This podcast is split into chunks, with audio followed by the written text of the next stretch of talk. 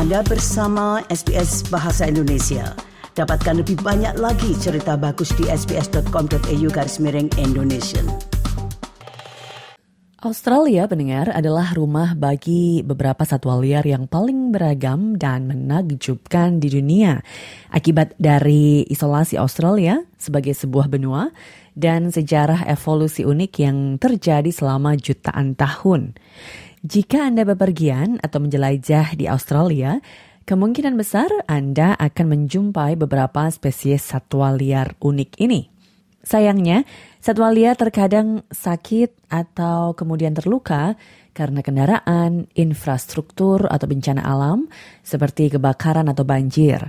Jadi, apa yang harus Anda lakukan jika Anda menemukan satwa liar yang terluka atau sakit? Satu rangkuman Australia Explained berikut ini pendengar disusun oleh Phil Tusak. Tergantung di mana Anda tinggal di Australia, Spesies satwa liar yang mungkin Anda temui ini akan bervariasi berdasarkan bentang alam, iklim, dan habitat.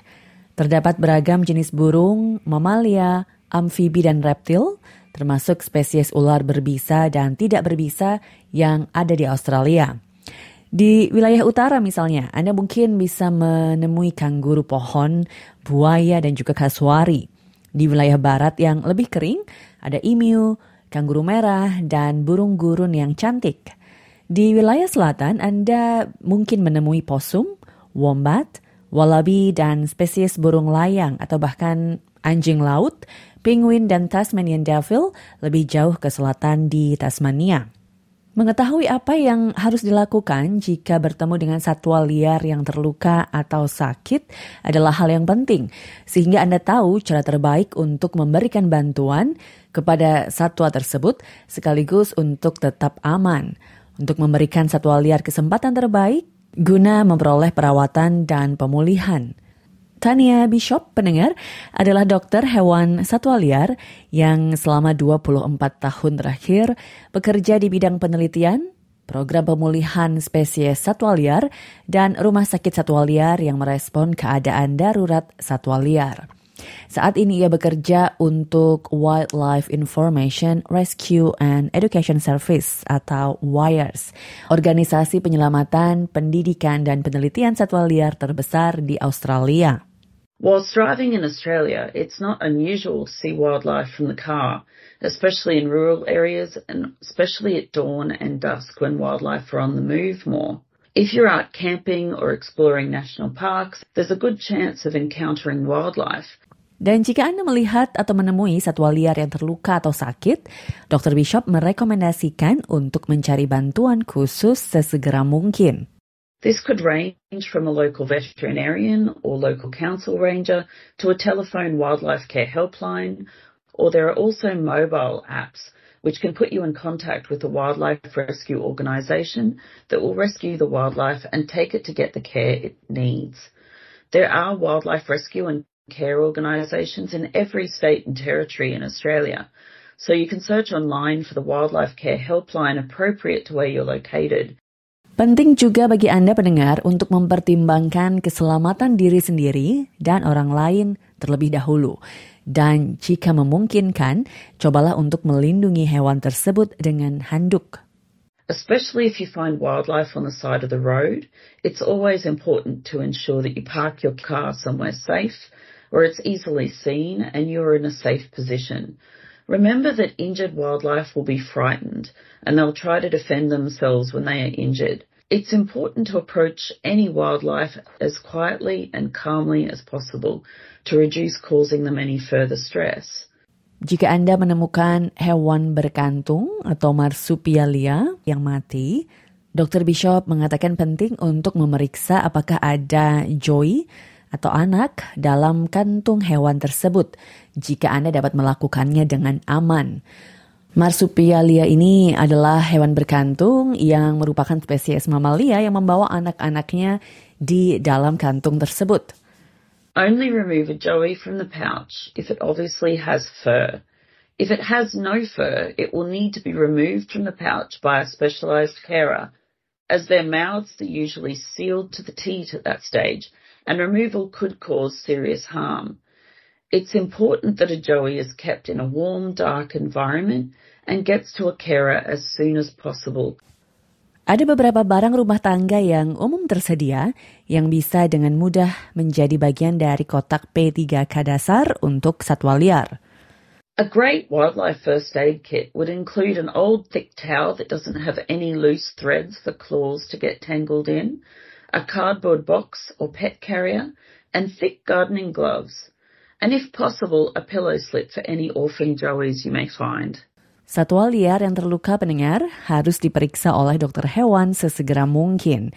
Menurut undang-undang, hanya perawat satwa liar dan dokter hewan yang memiliki izin dan terlatihlah yang boleh merawat satwa liar Australia, mengingat kebutuhan hewan-hewan tersebut sangatlah kompleks. They are assessed to see if there's a good chance that with specialised rehabilitation and care that they have a good chance of returning to the wild. Once a veterinarian has treated and stabilised injured wildlife, they are returned to specialised carers that care for them from anywhere for a few weeks to a year or more for some species. Morgan Philpott adalah perawat satwa liar di Wires yang telah menghabiskan lebih dari satu dasawarsa membantu merawat satwa liar yang terluka dan sakit dengan minat khusus pada perawatan dan rehabilitasi koala. Dia menjelaskan apa yang terjadi ketika ada anggota masyarakat yang menghubungi layanan penyelamatan satwa liar. We as carers on our phones will get a, a message notifying us of, of the rescue and if we are able to attend then we will hit the attend button and then we'll get more details sent from head office via our, our app and then generally we will make contact with the member of public and get more details and take it from there. These animals, particularly koalas and the more complex animals, really need to get to vets very quickly for assessment. Keputusan tentang perawatan satwa liar yang sedang dirawat ini dibuat bersama dengan dokter hewan. Terdapat beberapa perbedaan dalam undang-undang bagi perawat satwa liar di seluruh negeri ini. Namun secara umum, perawat satwa liar akan merehabilitasi dan merawat hewan tersebut guna mempersiapkan untuk kembali ke alam liar Artinya, melepaskan hewan tersebut setelah dinilai sehat dan mampu bertahan hidup di alam liar.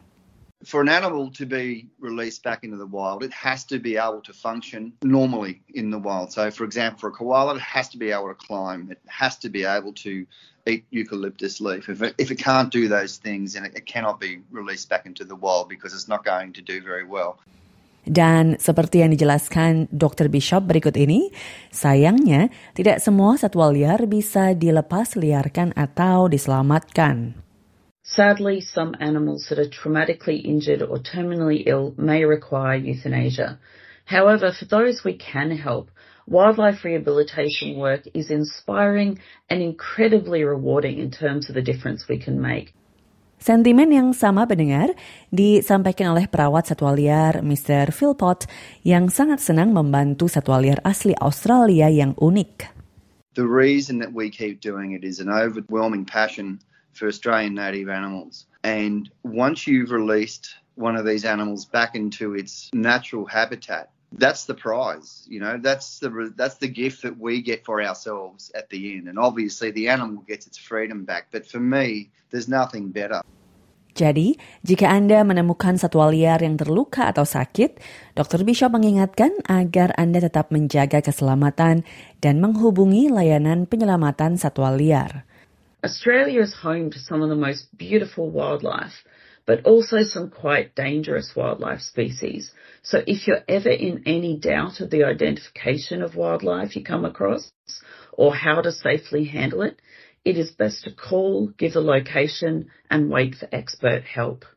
Demikian tadi pendengar, rangkuman khusus terkait dengan bagaimana membantu satwa liar yang terluka yang disusun oleh Phil Cusack dan dibawakan oleh Tia Arda untuk SBS Indonesia.